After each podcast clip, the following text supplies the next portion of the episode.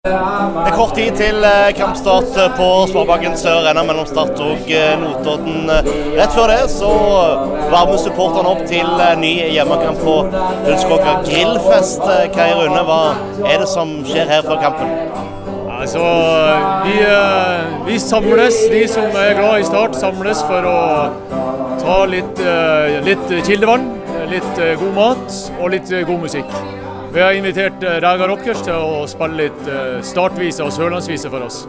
Da fyrer vi grillen og tar oss et par kalde, og så utnytter vi den tida som er fram mot kampstart til det beste.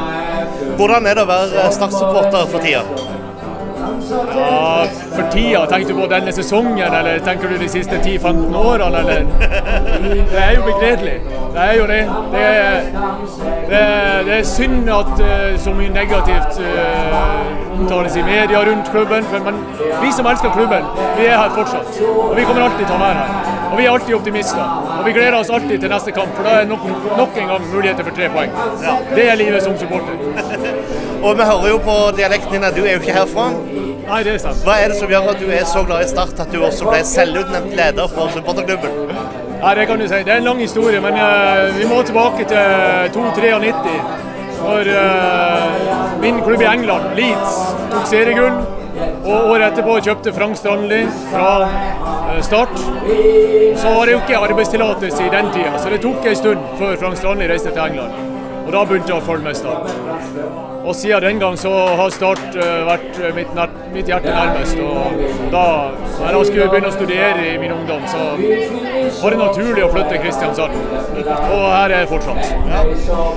Start Notodden. Uh, sist disse møttes på Sør Arena, så ble det 7-0. Husker du den kampen? Uh, vagt, vagt i minnet. Det, det, er ikke de kampene jeg husker best, faktisk. Nei. Men hva tror du om dagens kamp? Nei, men reprise, er ikke det fint? 7-0. Nei, prestasjonene til Start så langt i sesongen bebuder jo at dette her kommer til å bli en, en krigerkamp. De skal liksom føre uh, kampen. Det er de ikke spesielt gode til. Uh, de kommer til å måtte kjempe for å få uh, god offensiv samhandling. Det har de slitt med i hele år.